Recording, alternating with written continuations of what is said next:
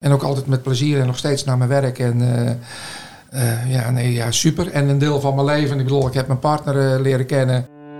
Welkom bij de jubileumpodcast 50 jaar Zuidwester. Vier medewerkers van het eerste uur vertellen over hun ervaringen in een halve eeuw werken voor Zuidwester.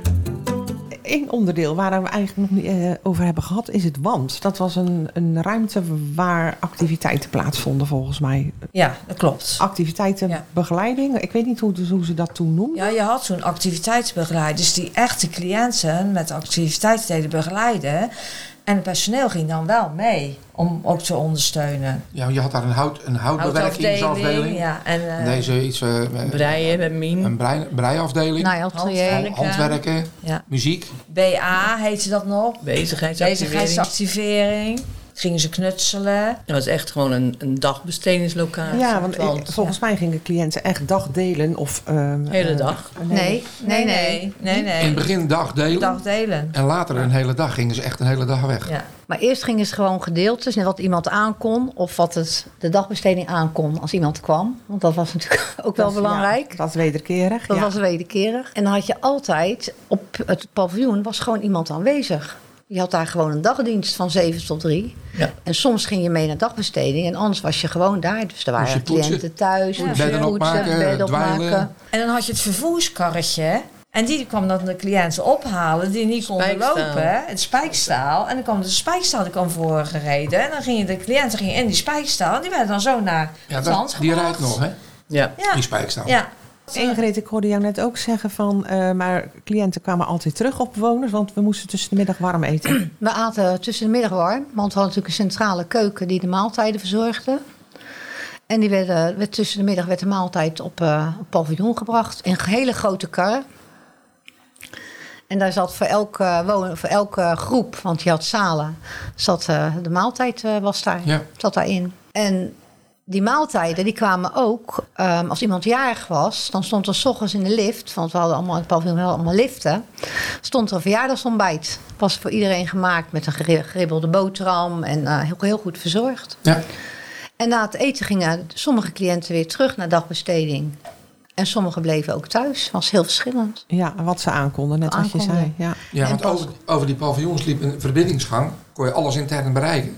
Die was bijna een kilometer lang. En daar reden dan die karren in. Hè. Die werd eh, verzorgd door de civiele dienst. Ja, de Mannen van de waskarren, interne dienst brachten overal die etenskarren rond en waskarren. En je kon daar wandelen als het slecht weer was. Ik bedoel, eh, Ja, ja, Ja. je kon helemaal rondlopen. Ja, ja. En toen later kon je op eh, zondag kon je met de cliënten 's middags in het restaurant gaan eten. ja. En dan moest je restaurantkaarten moest je bestellen. ja want er En kon dan- maar zoveel man eten. Ja, dan konden er maar een aantal eh, konden er maar, eh, maar terecht. En dan ging je met de cliënten lekker eh, in het restaurant eten. En dan aten ze meestal patat of iets wat ze lekker vonden. Dat, ja. Maar dagbesteding hele dagen, dat is pas veel later gekomen. Ja, dan werd het denk ik geen, was het geen activiteitenbegeleiding meer of zo, maar dan werd het dagbesteding. Ja, maar er waren ook wel activiteitenbegeleiders die daar werkten. Ja, snap ik, maar de naamgeving werd anders. Maar dat had hele grote gevolgen. Zowel voor cliënten als voor ons.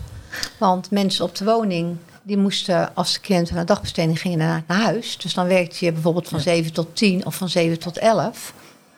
En dan gingen ze weg, gingen ze de hele dag naar dagbesteding. En dan kwamen ze om half vier, vier uur terug. En dan kon de dienst weer beginnen.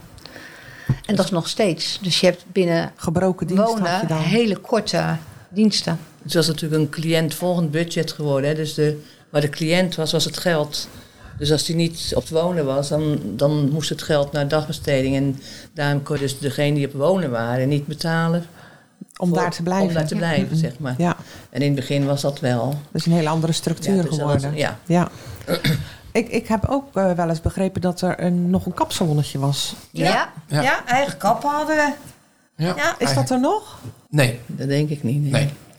Zij is, er was een kapsalon op de Aak binnen dat paviljoen. Er was een eigen kapsalon.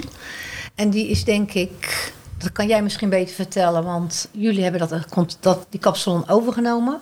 Jouw collega. ehm, Toen hebben wij daar eh, eh, ons kantoor gekregen. Ja. ja. ja. Ja, dat kwam omdat die kapster die, eh, die, die knipten de cliënten die naar de kapsalon konden, knipten ze in de kapsalon. En de cliënten die niet konden, die knipten ze gewoon zeg maar, op het paviljoen op de groep zelf.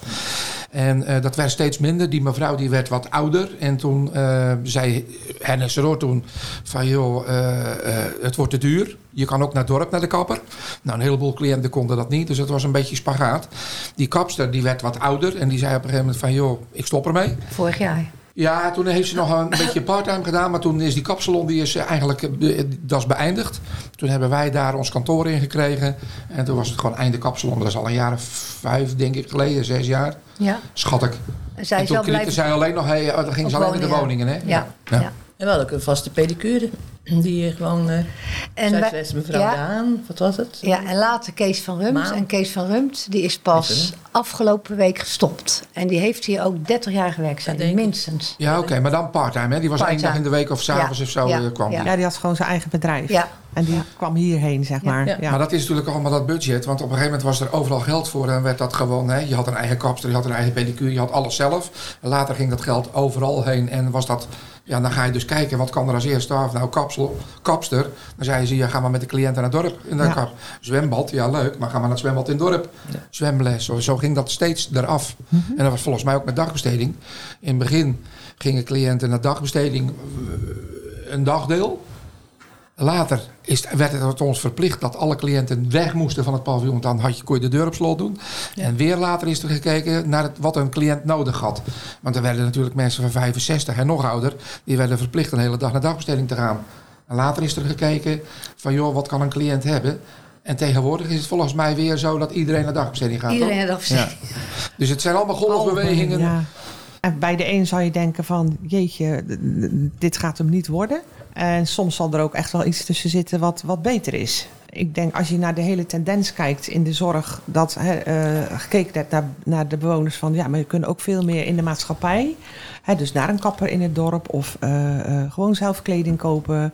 Eh, of online tegenwoordig, maar met behulp van. Of je gaat naar het dorp. Dus daar zit natuurlijk ook wel een, een hele andere kijk op Nee, zorg absoluut. leveren. Nou, vroeger Dat hadden we natuurlijk al het personeel. We hadden een technische dienst, we hadden een tuindienst. En dat was alleen maar medewerkers. Alleen op een gegeven moment was er sprake van... joh, zou een cliënt dus ook gras kunnen maaien? Nou, er was natuurlijk heel veel weerstand, want dat kunnen ze niet. Als je dat dus tegenwoordig ziet... ze rijden op grasmaaiers, ze lopen met bladblazers... ze doen van alles. En iedereen moet... dus- eh, ze werken in het restaurant. En iedereen die dus zoiets doet... moet een certificaat, certificaat behalen... Hè, dat je het, het beheerst. En niet zomaar zeggen, je gaat de grasmaaier. Maar ja, ze, ze doen natuurlijk heel veel nu. Ja. Heel die, die tuindienst die wordt eh, begeleid door, ik denk, vier medewerkers. En er werken misschien wel de twintig cliënten. Ja. Maar er zijn heel veel goede dingen aan, maar er zijn ook heel veel niet goede dingen aan. Nee. nee, ik hoor jou steeds zeggen dat je echt wel dingen mist. Nou, de dingen die je mist, is wat, wat hij zegt over de tuindienst, is echt eh, prima. Maar als je bij Westerschelde kijkt hoe het taluut eruit ziet, of hoe de achtertuinen eruit zien, dat moet personeel zelf onkruid trekken, want er is niemand meer voor. Technische dienst, als er iets kapot is, voorheen belde je en kwamen ze het maken. Nu duurt het vaak veel langer, want die doet dit en die doet dat en die organisatie doet dit en die organisatie doet dat. Dat zijn toch allemaal dingen, als er een fiets kapot is. Ja, Hè, voorheen bracht je naar de technische dienst, werd fiets gemaakt van een cliënt. Nu moet je met de fiets naar het dorp. Dat is allemaal niet zo makkelijk. Nee, nee. En dat wordt allemaal neergelegd, toch, bij de mensen die aan de basis werken. ja. dat is Maar waar. die tendens En dat is heeft zwaar, natuurlijk eh, geleid. Eh, in die tijd was het natuurlijk dat het veel geïntegreerd moest worden en zo. En dus toen is ook eigenlijk die, die spreiding dat Zuidwester eh, andere vestigingen en zo eh, heeft Ja, want gerealiseerd. daar wilde ik net over vragen eigenlijk. Want we, we spreken heel de hele tijd over Hennesseroord. Maar het is, op een gegeven moment is het ergens Zuidwester geworden. Ja. Ehm, wanneer, wanneer, hoe is dat? eh, jij zegt net er is een, een verandering heeft er plaatsgevonden. Want men ging ook... Ja, we zaten net al te brainstormen eventjes. Eh, in 94 is eh, de open ank waar we onder vielen is opgehouden met bestaan, zeg maar. Dus dat waren een aantal verstandelijk gehandicapte instellingen en psychiatrische instellingen die vielen onder één koepel. Daarna zijn we Zuidwesten geworden in 94 dus. Waarvan de eerste vestigingen in Voorne Putten eh, op Hellevoetsluis was in 96 geopend. In Oud-Beijerland in 97 En in Spijkenis ook in 97. En eh gingen een heleboel cliënten die hier op terrein wonen, dus in de wijk wonen, zeg maar. En eh, dus als je zegt van, wat is er, eh, ehm, welke dingen zijn wel en niet goed gegaan? Ik denk enerzijds het idee goed was dat je meer tussen de mensen wonen in plaats van afgesloten. Anderzijds dat je je eigen dorp miste, want je zit daar toch een beetje in een huis waar je niet zomaar alleen eh, over een terrein kan lopen, zeg maar. Hè? Nee. Dus niet iedere cliënt was daar wellicht mee gebaat. En, eh, Maar die keus lag in die tijd toch met name bij de familie, bij de ouders. Ja. En die zei, joh, ik woon in Spijkenisse. Ja. Ik haal mijn kind naar Spijkenisse als jullie daar iets gaan openen. Want dat is lekker Ja. dichtbij. Kan ik op de fiets naar naartoe, kan ik gaan wandelen. Dat gold voor heel veel cliënten volgens ja, mij. dat klopt hoor. Maar ik denk ook dat je het in tweeën kan splitsen. Hè. Je hebt natuurlijk die eh, opening gehad van alle vestigingen. Spijkenis, eh eh Oud-Beijerland, Hellevoetsluis, Brabant, Middelburg. Daar zijn allemaal nieuwe huizen gekomen. Maar daar gingen gewoon hele groepen naartoe. Dus wat jij zegt, ouders wilden ze dichter bij huis hebben. Of, en die huizen werden wel gekozen om in het dorp neer te zetten of waar dan ook. En ze kwamen er inderdaad al gauw achter dat dat voor heel veel cliënten toch niet zo makkelijk is. Want je kan niet meer zomaar naar buiten lopen. Er zijn, je gaat de weg op. Je kan niet op de fiets zomaar links of rechts rijden. Dat, ehm, en die cliënten woonden daar en dat is zo gebleven. Maar er is ook een groep geweest die bijvoorbeeld hier in het dorp ging wonen. Die moesten eh, in de ring, in Sommelsdijk, in Middelharnis, ehm, meer huizen in Middelharnis. Want die wilden meer betrokken worden bij het dorpse leven, wilden meer privacy, wilden op een andere manier leven. En daarvan zie je dat dat eigenlijk bij heel weinig cliënten gelukt is. Omdat ze vereenzaamden, het niet aankonden. En toch weer teruggekomen zijn naar, noem ik even Hennesseoord, want daar kwamen ze vandaan. Toch weer teruggekomen zijn naar Hennesseoord. Omdat dat niet ging. Nee. Dat lukte niet. Nee, en het is natuurlijk een heel verschil. Hè. We hebben het natuurlijk al een paar keer benoemd. Het was een enorm terrein met alles erop en eraan. Maar het was wel voor bewoners veilig, want zij hadden voorrang. Hè, Ja. eh, eh, liepen ze midden op de weg of fietsten ze dwars, maar dat maakte allemaal niet uit. Het was hun gebied Ja.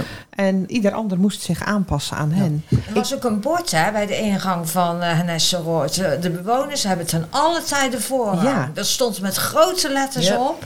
Toen later is dat eh, weggehaald, want toen eh, was het een gewone woonwijk geworden. Dus toen eh, moesten ze zich ook aan de verkeersregels houden, zoals in, in het dorp. Er was ook een verkeerstuin, hè, ooit. Ja, Ja. ja, ja, Klopt, ja. ja, ja. Ja, maar ik denk ook hè, dat je ziet heel veel golfbewegingen en alles. Maar in de, wat we het nu over hebben, dan heb ik het niet over de vestigingen, want dat is gewoon ook een instelling in het dorp. En maar mensen die. Iedereen moest ehm, toch wel zoveel mogelijk in de maatschappij gaan wonen. Maar ik denk, als je achteraf daarop terugkijkt, denk ik dat wij dat wilden. En veel cliënten zelf niet. Want die woonden, waren daar volkomen gelukkig. En eh, die werd daar niet nagekeken en, enzovoort enzovoort. Maar wij vonden het belangrijk dat ze zo normaal mogelijk op moesten leven. moesten leven. In wat wij in ons hoofd hadden hoe dat was. Ja. Ja, en de cliënten moesten daaraan wennen, maar ook de, ook, ook de bevolking uit Middelharnis. Hè. Er, was, er was een cliënt die ging in het dorp wonen, maar er stond dus de jeugd voor het raam van... hé, hey, gekke, je bent gek, en weet je wel. Die cliënt die werd er helemaal gek van. En die is op een gegeven moment dus teruggekomen Ja. naar het terrein. Dat was Ja. dus niet veilig.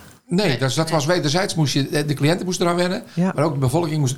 eh, Maar de het was de Jacob Banenstraat, Ja. en in de Wiegman, hoe heette dat? Eh, ja en, eh, en in eh, uh, in Dirkstad, de Akelei. Ja, en- dat is dagbesteding, hè, wat Ja. we nu noemen. Ja, nee, maar ook wonen. Ja, ja. Ja, een wonende directstand hebben we de, op, de, op de dijk. Ja, En hè? Ja, oude tongen. Ja, dat dat is er nog steeds. Maar de social wonen die, die zijn er nog wel steeds. Hè? En die hebben een redelijk succes. eh, omdat dat ook een bepaalde cliëntsoort is die het... Of daar vandaan komt, of familie of- heeft in de buurt. Hè, dus dat is redelijk eh, geïntegreerd.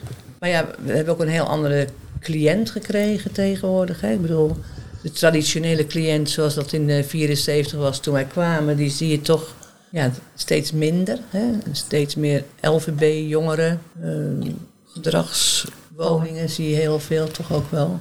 En er zijn ook behoorlijk wat cliënten teruggekomen naar het beschermde terrein. Hè? Dat die, dus, die, dus, die, die, Ja. die dus niet in de maatschappij eh, eh, kunnen wennen. Dat zei ik net, hè? Dat die terugkomen naar Hennesseloord, naar de beschermde omgeving. geweest ze om nodig dat... hebben. eh, Maar het had ook heel veel gevolgen voor het personeel, hè, dat ze in nieuwe vestigingen geopend zijn. Want dan moest personeel van Middelharnis of van Goeree Oververklee, die moesten verplicht in die andere locaties gaan werken. Want die moesten met de cliënten mee, een tijdje, een aantal maanden. Om En dat werd ook niet allemaal in dank ja. afgenomen. Want je, was, ja, je werkplek was eigenlijk met de harness. En toen moesten we opeens in, Spijkenissen en in uh, moesten we gaan werken. En een aantal is daar ook wel gebleven. Maar een aantal personeelsleden is ook weer teruggekomen. Ja, het heeft, zulke, er zijn grote veranderingen die Ja. plaatsvinden. Ja, hè? Dus het is, eh, voor, en, en de bewoners staan altijd voorop. Hè? Dat, eh, dat, dat, dat is zo. Maar dat het natuurlijk voor personeel ook invloed heeft gehad. Ja, goed, dat heeft dan ook een wisselwerking weer op die, op die Ja, cliënten. Hè? Ja. ja, Want ik bedoel, eh, ja. dat soort grote veranderingen gaan altijd eh, gepaard met ja, moeilijkheden eigenlijk. Soms Ja. lopen dingen wat soepeler, maar er zijn natuurlijk ook altijd eh, strubbelingen met dat soort grote aanpassingen. Want dat was het natuurlijk wel. Was het denk ik wel een hele grote, grote Absoluut, verandering. Dat, absoluut, ja. hè, dat je eh, zelfs in Middelburg of in Brabant eh, eh, Ja, want we hadden de gekste plekken natuurlijk. En nog steeds, we hebben heel veel locaties hebben we inmiddels. Hè. Dus oude Hennesseroord is dan het begin geweest. Maar Zuidwest heeft natuurlijk overal locaties zitten. hier. Ja, maar ja, wat- tot, tot, ik, ik hoor Brabant, West. Hoekse Waard, Ja. Zeeland, nog, Ja. nog, nog, nog. Rotterdam. Huizen den Berg is Barendrecht. 2000 al overgenomen, denk ik.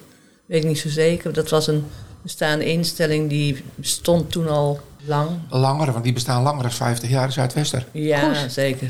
Ja, heel lang. Berg. Ja, en die eerst nog onder vijfvreugd eh Ja. gevallen. Vijvenvreugd is nu Cerelo. Cerelo. Ja. En toen is het later bij ons gekomen. Ja. ja. Dus dat is nog veel ouder, ja. Dus dat is toen overgenomen, zeg maar. En ehm, we hebben in, in Breda hebben we natuurlijk woningen. Woningen in, in de wijk gewoon, zeg maar ook. We hebben in Rotterdam, we hebben een behandelcentrum in Rotterdam, de Spinozaweg. We hebben in ehm, de Boezemkade, dat zijn appartementen die, je dan, die wij huren en die we dan door... Nou ja, niet doorverhuren, maar waar onze cliënten wonen. Ja. Dat zijn natuurlijk weer heel andere cliënten. Een heel andere begeleidingsbehoefte. Dus dat, ja, Maar wat je net zei, vond ik ook nog wel een, eh, een interessante. Je zei net, ja, het bewoners, eh, de populatie is zo veranderd. Ja.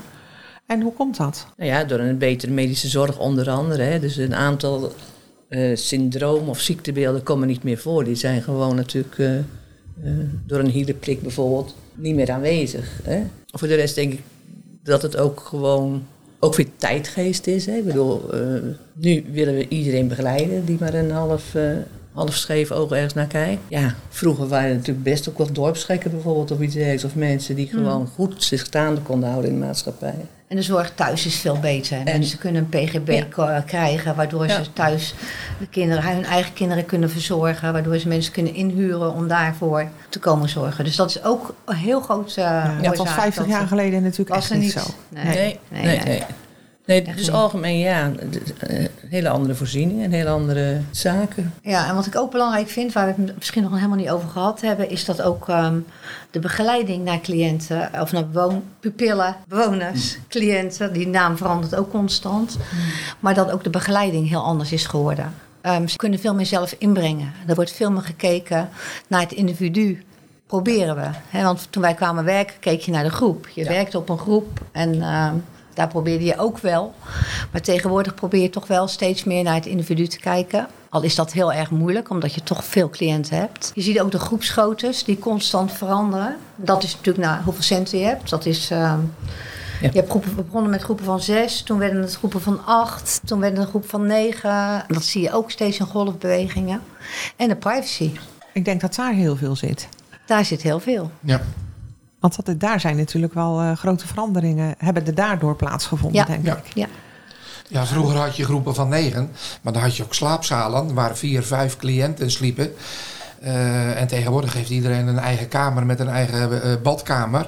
En is alles veel individueler natuurlijk. Ja. En ook belangrijk eigen spulletjes. Want ze hadden allemaal dezelfde bedden en ze hadden allemaal dezelfde kasten. Ja, ja, En er stonden een paar skybanken eh, stonden daar en een tafeltje. Ja. En dat was het. ja, ja, absoluut.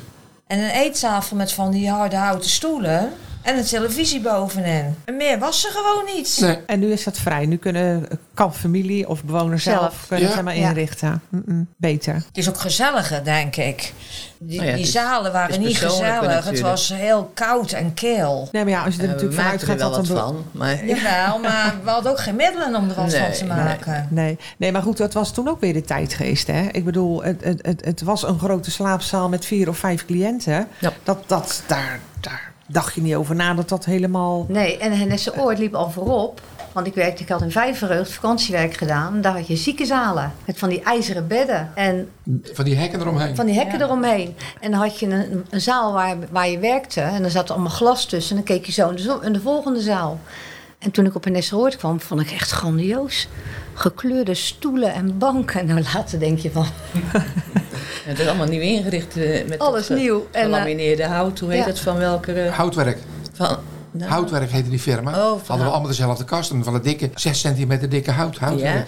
Maar ik weet ook nog, Martin, dat weet jij waarschijnlijk ook nog wel, dat ze van de kunstacademie zijn geweest Ja. op de Charlotte Schotter. En dat ze toen van die panelen en die muurschilderingen Ja. hadden gemaakt. Ja. Nou, dat was gewoon Ja, dat was een inderdaad. hele ja, verbreding, een geweldig. verrijking voor die cliënten. Ja, En, eh, anders had je kale muren ja, natuurlijk. hè. Grijze mocht niks, er kale kon niks. muren. Kijk, en soms slaat het wel eens door. Want eh, eh, prima, hè, heel veel privacy. Mensen hebben eigen kamer. Vaktechnisch kom ik wel eens op kamers. Waarvan je denkt van, joh, dat mag wel wat schoner, wat opgeruimder. Het zit soms tegen het gevaarlijk aan. En dat had je vroeger niet. Want personeel deed alles, de cliënten deden niks. waren ook veel jonger. Maar wij maakten gewoon, wij richten in. En niet dat dat beter was. Maar het was wel wat veiliger als, als tegenwoordig bij een aantal hoor. Maar de cliënten kunnen ook via internet alles bekijken. Ze- wat ze wel mogen, wat ze niet mogen. Nee, maar ze kopen ook alles en ze doen Ja. alles. En, eh, eh, En ze zeggen gewoon van jij komt mijn kamer niet op en je hebt er niks te zoeken. Het is mijn Precies. terrein Ja. en ik bepaal wat er gebeurt. ja, klopt. En voorheen hadden wij eigenlijk best wel veel macht, ook als personeel zijnde. Want wij bepaalden wat er wel gebeurde en wat er niet gebeurde. Ja. Of de ouders deden dat. Ja, absoluut. Dus het is heel veel verbeterd en veel beter geworden. Maar niet voor maar niet, iedereen. al, nee, Nee. niet voor iedereen, niet altijd. Nee, hoor. Er zijn ook cliënten die graag samen slapen. En daar Ja. hadden wij ook, nog, hebben we ook nooit aan gedacht. Ze kregen allemaal een eigen kamer toen we naar Westschelde verhuisden. Allemaal mooi. En, eh, en er waren er twee die sliepen niet. We liepen heel dag te spoken. En wij dachten, hoe kan dat? Tot we erachter kwamen dat ze samen wilden slapen. Weer samen op de slaapkamer. Ze sliepen als rozen. Dus het is weer wat ik zeg. Ja, je- Wij denken dat. Wij vinden dat dat zo hoort of zo moet, beter is. Maar het is niet altijd zo. Maar dat de Westerschelde is geopend, toen had je de supportafdeling binnen eh, Zuidwesten. En je had geen supportafdeling. En die supportafdeling, dan mochten die bewoners eigen keuzes maken. En dan werd personeel ook ingetraind. En dan moest je zo'n training volgen om Ja. die Ik heb cliënten te begeleiden. Ja. En de andere helft van Zuidwesten, die ging gewoon op de oude voet verder. Dat was ook heel bizar eigenlijk. Ja. Een soort tweedeling ontstaan. Ja, Ja, ja. Maar dat support was wel heftig. Niet naar cliënten toe, maar ook eh, binnen Het is hun woning. En dat vind ik nog altijd. Het is hun woning. Ik kom daar binnen. Ik kom daar op bezoek. gast. En hun wonen daar. Ik ben Ja. gast. Dat vind ik heel belangrijk. Dat heb ik er nog van overgehouden. Maar je mocht niet eh, rapporteren op de woning. Moest je naar beneden. Ik had daar een kantoor. Je wilt niet weten. Met een badkamer, een keuken. eh, en in de ene hoek hing een computer. En dan moest iedereen s'avonds, als ze klaar met werken waren, beneden komen om te rapporteren. Ja, dat werkt natuurlijk niet, want mensen zijn half elf klaar en gaan naar huis. We mochten geen sleutel hebben van de voordeur, want we waren visite. Hadden we een tag. Maar niet iedereen had een eigen tag. Die hing in een kastje beneden in mijn kantoor. Moesten ze die tag ophalen en terughangen. Hoe vaak ik 's ochtends niet gebeld ben dat er geen tag was, konden ze de deur niet in. Weet je? Ja. Ja. Het was niet altijd Het even was weer handig. doorgeslagen. Het was Ja. weer Ja. Ja. Er zijn heel veel goede dingen uitgekomen, maar er waren ook dingen dat je denkt van... Ja. Maar cliënten mochten allemaal kiezen in wat voor woning ze wilden wonen. En hoe moeilijk ze het ook vonden om het uit te leggen. Dat klopt. En met wie. En dan had je ook het woonwensenonderzoek. ja, en daar bepaalden wij ook wel mee samen. Daar zal ik niks van zeggen. Jij deed ook wel richten. Er waren bij mij twee cliënten die hebben, ik denk, 40 jaar samen gewoond. En toen er één overleed van de twee, en eh één andere cliënt overleed van de, andere, de woning daarnaast. Toen ehm, kwam een van die cliënten die vroeg logeren, logeren. En die is in die andere woning gaan wonen. En dat is nooit zo goed, nog nooit zo goed gegaan als toen die tijd. En wij hebben 30 jaar volgehouden dat die samen moesten blijven wonen. Ja. Want die waren zo gelukkig samen. Weer een voorbeeld Ja. van wij Ja. bepalen.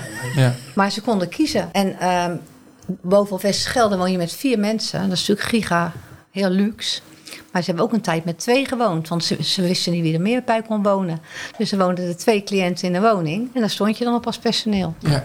En dat is natuurlijk op een gegeven moment niet betaalbaar. Hè? Dat is niet Nee, betaalbaar, dat is wel- natuurlijk niet. Nee, ja, dat zijn dan. Dat, dat is natuurlijk. Jullie laten ons nu een stukje achter de. in de keuken kijken, zeg maar. Hè? Daar, daar heb je gewoon als buitenstaander heb je daar geen idee van hoe dat dan, eh, hoe dat dan Nee. allemaal in elkaar steekt en, en hoe dat dan werkt. De hora. Wat roept dat bij jullie op? Ja, radio roept dat op. Ik ben ook voorzitter geweest van de, van de Hora en secretaris. Het was een hele leuke, eh, enthousiaste groep met eh, vrijwilligers die eh, radio deden maken voor de cliënten. En we zijn destijds begonnen in een ruimte in het eh, hoofdgebouw, onderaan daar bij de trap. En eh, ja, daar, was een studio met, eh, met singeltjes, met plaatjes. Ja. En het zag er allemaal prachtig uit. En dan deden we programma's maken. En hadden allemaal, ja, disjockeys noemden we dat. En die, allemaal van die, van die jonge gasten die, eh, die het leuk vonden om radio te maken. En die, eh, dan konden cliënten daar ook eh, daarheen gaan op zaterdagmiddag en op zondagmiddag. Dan konden ze daar gaan zitten. En plaatje, Ja. En plaatje aanvragen. aanvragen. En Dat was belangrijk. in de paviljoens had je dus gewoon een centrale knop. Eh, Ik Ja. weet niet, in de koffiekamer weet ik nog. Dat weet. En dan was alleen interne radio. Hè? Dat was altijd te horen. Interpaviljonaal. Interpaviljonaal. Ja. Ja. En wat, wat dus ook heel Ja. leuk was, dat was eh, met kerst en oud en nieuw. Kon je dus plaatjes aanvragen. Of dan kon je ook je familie eh, bellen. Eh, dan werd je familie gebeld en die vroeg dan een plaatje aan omdat je dan moest werken, Ja, weet je leuk. wel. Dus dan hoorde je ineens je moeder op de radio. Oh, leuk En ik wil een plaatje aanvragen, want eh, ja, je moet werken. Je zou wel denken, je bent niet thuis. En, eh, Maar de horen werd ook ingezet weer op, op diverse feesten hè, op het terrein. Want ik weet nog wel het afscheid, wel het afscheid van dokter Roelos. En eh, toen heeft toen hebben we een paar dagen feest gehad, omdat die man ermee stopte.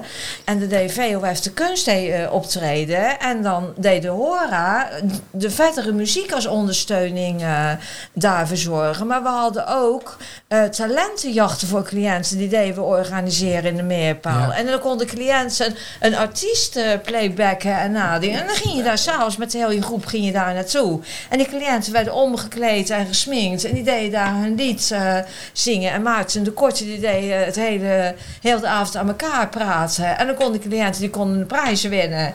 En dan ging je weer vandaan eh, met elkaar ging je naar huis. maar er waren toch ook cliënten die DJ waren? hè? Ook. Toch? Ja.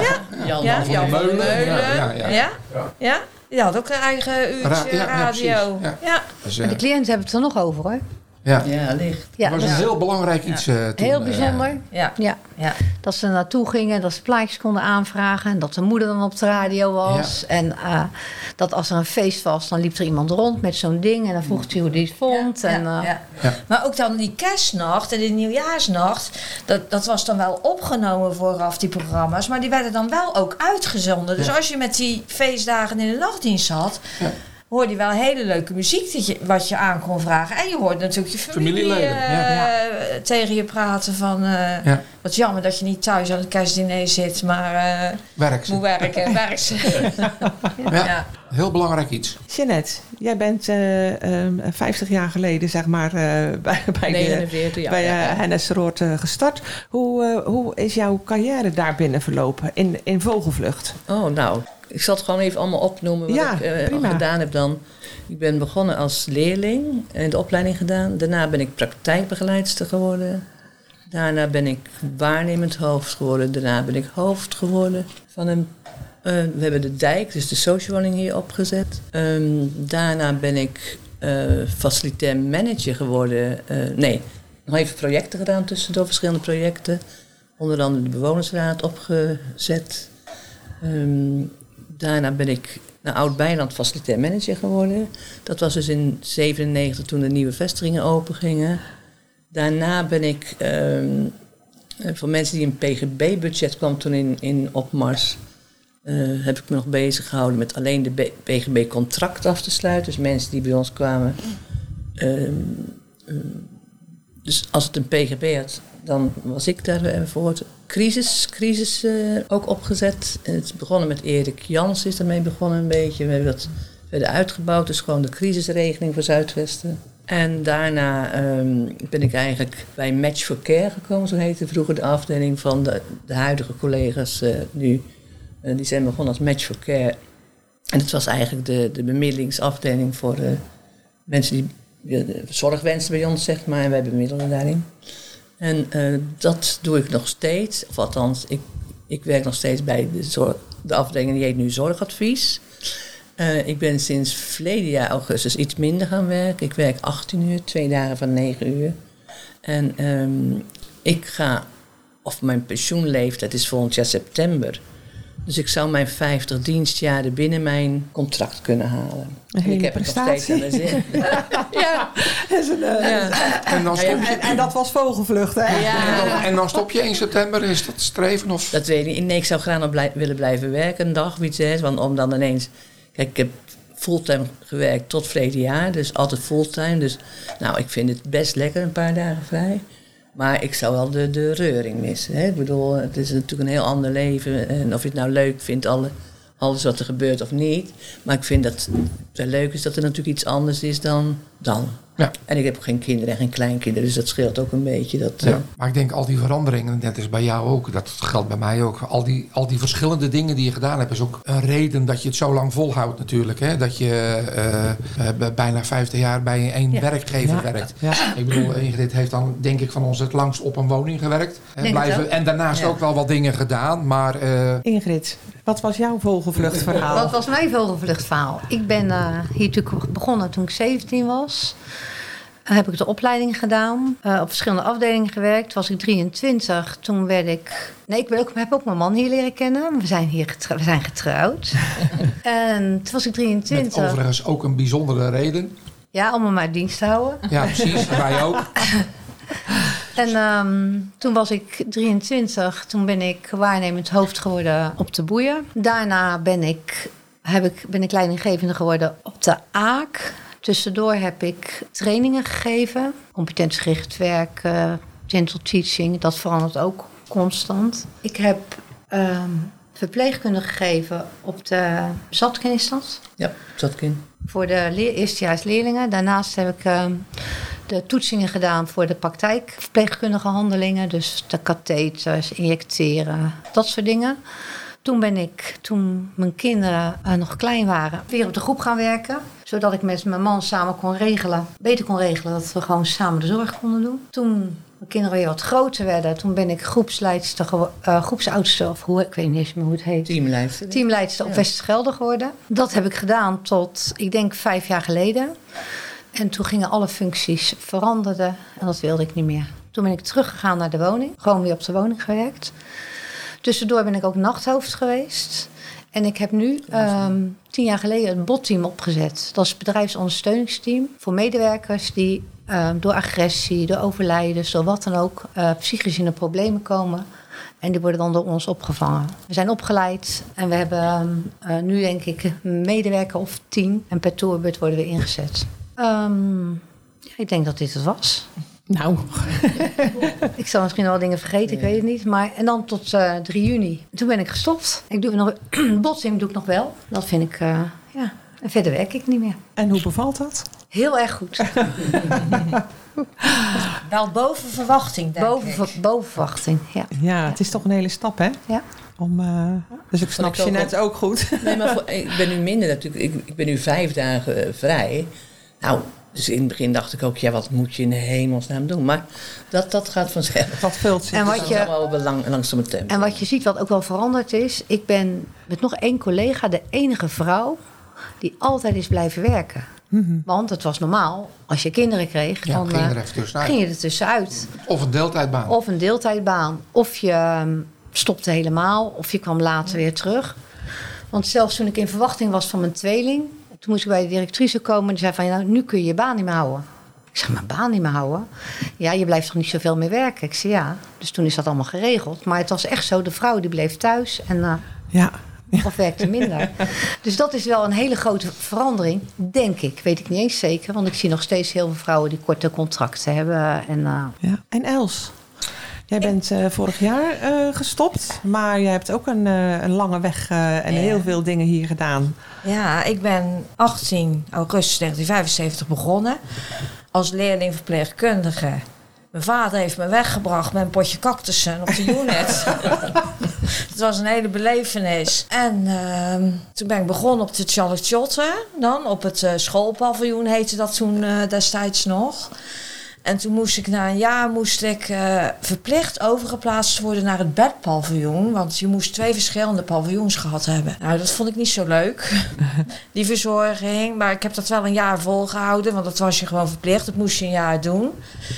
Toen ben ik weer eh, teruggegaan. Was het destijds eh, de Tjalk geworden. Want je had eerst Tjalk West en West. West. En toen was het eh, de Tjalk geboren, geworden. En dan ben ik toen gaan werken. En toen na vier jaar had ik mijn diploma. Toen ben ik op eh, de Tjotte terechtgekomen als afdelingsoudste. Want had je nog afdelingsoudsters. Doorgegroeid naar waarnemend hoofd. Ehm, dat een tijdje gedaan. Toen eh, door omstandigheden gestopt met allerlei functies. Toen ben ik op het Pinkschip gaan werken. Een aantal jaar. En toen op een gegeven moment, eh, toen was er weer een golfbeweging op eh, Zuidwester. Ik was toen ik, eerste verpleegkundige of zo, zo heet- heette dat. En toen waren er te veel. En toen moest ik naar een andere afdeling met eh, heel veel cliënten met ernstige gedragsproblematiek. nou, dat zag ik gewoon echt absoluut niet zitten. Maar je moest. En ik heb heel lang, ben ik heel meegaand geweest. Als we links moesten, dan gingen we links. Als we rechts moesten, dan gingen we rechts. En toen heb ik gezegd, dit ga ik echt niet doen. En het was echt een hele stap, want eigenlijk durfde ik dat niet. Maar ik heb het toch gedaan. En in die tijd werd toen ook de volledige dagbesteding voor eh, cliënten eh, opgestart. En eh, toen eh, was samen met Wim Beunder, hebben we dat voortraject zijn we begonnen. En eh, dat is best een lange weg geweest, heel veel werk aan gehad. En het was ook een enorme nieuwe uitdaging om dat te gaan doen. Want er waren een aantal eh, paviljoens en cliënten die waren heel erg enthousiast dat we dat gingen doen. Maar er was ook van de andere kant best wel veel weerstand. Ja, wat Ingrid ook benoemde van personeel moest kortere diensten gaan draaien. Want de cliënten die kwamen dan bij ons op dagbesteding. Wij deden alleen maar leuke dingen op dagbesteding. En het personeel op de woning moest natuurlijk allerlei klusjes eh, doen. Maar goed, op een gegeven moment eh, doorgezet. En toen is het oude wand helemaal verbouwd. Het is een heel nieuw gebouw geworden. Echt prachtig met allerlei faciliteiten. Toen ging het toch weer een beetje kriebelen. Toen ben ik teamleider geworden van, van het wand, van het seniorgedeelte. Er zaten maar allemaal bejaarde mensen. Ik had er nog nooit mee gewerkt, maar het was echt, het was echt geweldig. Het was echt een geweldige tijd. We hebben het daar zo leuk gehad met elkaar. Met de cliënten, met het personeel, allerlei dingen georganiseerd. eh, ja, het, was, het was fantastisch. En toen opeens was er een nieuwe golfbeweging. We gingen met managers werken. En dat zag ik weer niet zitten. En toen in die tijd zijn we begonnen met de centrale personeelsplanning. Voorheen deden ze iedere woning gewoon zelf een rooster maken. En deden ze eh, de diensten inplannen, noem maar op. En toen is dat overgegaan naar het eh, planbureau, heette dat. En toen ben ik de centrale personeelsplanning gaan doen. Tot de dag dat ik met pensioen ben gegaan. Oh, nou, dat is ook een heel verhaal. Ja. En eh, heel afwisselend Ja. ook wel. Ja. Ja. Ja, Dus je hebt eh, alle veranderingen wel doorstaan. Niet altijd eh, eh, met evenveel plezier. Maar Ja. je zei net, ik- we gingen links mee, we gingen rechts ja, mee. Ja. Maar ik ben, er is niet één dag geweest dat ik met tegenzin me waar ik ben gegaan. Ik niet. Echt niet. En ik vind dat, dat zegt ook iets over Zuidwesten. Ja, zeker. Het, eh, ik heb het gewoon altijd als een hele goede werknemer ervaren. ja, werkgever. Ja. Ja. Ja. Ja. Maar als je zelf wilde, kreeg je ook heel veel mogelijkheden. Ja. Qua opleiding, qua, qua werkplek, binnen, binnen de mogelijkheden. Maar er was altijd heel veel mogelijk. Maar dat Ja. was, dat is niet Ja. meer, hè? Nee, nee, nee. Nee. Nee, maar dat heb ik al zo ervaren al die jaren. Ja. Ja, we hadden kweekvijvers hè, voor de, vroeger Ja. voor de Ja. personeel. Ja. Eh, Martin, je hebt vast ook een hele eh Ja, ik heb ook- riedel. Ja, dat klopt. Ja, op 1 juli 74 begon als leerling Z-verpleegkundige. En in de jaren doorgegroeid van groepsoudste, waarnemend hoofd, paviljoenshoofd, clusterhoofd. Want dan had je meerdere paviljoens onder je. Eh, toen kregen we steeds meer facilitaire zaken. Dus ik ben nog een tijdje facilitair manager geweest eh, op Goeree-Overvlak. net in het Bijland, maar ik hier. En toen kreeg ik dus meer taken eh, als preventie en veiligheid. Dat was in opkomst, hè, want in Nederland gebeurde in Amsterdam op Schiphol brand. In een instelling was de brand overleden cliënten. Dat was in opkomst. We kregen een nieuwe regiomanager hier. En toen op een gegeven moment toen zei hij van... joh, wat zou je willen doen? Hè? Want dat wordt steeds meer. Toen heb ik dus gezegd van oké, ik zou me willen richten op dat deel van het werk. Nou, toen waren we terug eh, op een Rood, zeg maar, even naar die, eh, hoe heet dat toen, vormingsdagen of zo. Ik weet niet hoe het heette. En eh, toen heb ik de keuze gemaakt voor preventie en veiligheid. En dat doe ik denk ik nu een jaar of 14. En inmiddels nog 12 uur per week. En ja, volgend jaar 1 juli 50 jaar is het streven om te halen. En we hebben afgesproken dat we van voorjaar kijken hoe dat we dat, of ik nog een jaar wil of niet, of dat ik stop of wat dan ook. Ja. Dus heel kort gezegd, maar heel veel verschillende dingen gedaan. En ook altijd met plezier en nog steeds naar mijn werk. En eh, eh, ja, nee, ja, super. En een deel van mijn leven. Ik bedoel, ik heb mijn partner eh, leren kennen. Twee dochters. die, één werkt nu ook op een op dagbesteding. Ik heb altijd hier gewerkt. Niet net als je net op. ik ging wel eens vanwege werk naar de andere regio's. Maar dat was puur qua werk. Maar ik ben voor de rest altijd op vlakke gebleven. Ja. Qua werk. Ik, ik hou me nog eh, eh, nu alleen bezig met de wettelijke vertegenwoordiging en indicatieaanvragen. En daardoor kom ik op alle regio's, bij alle eh, cliënten zeg maar, en alle verwanten.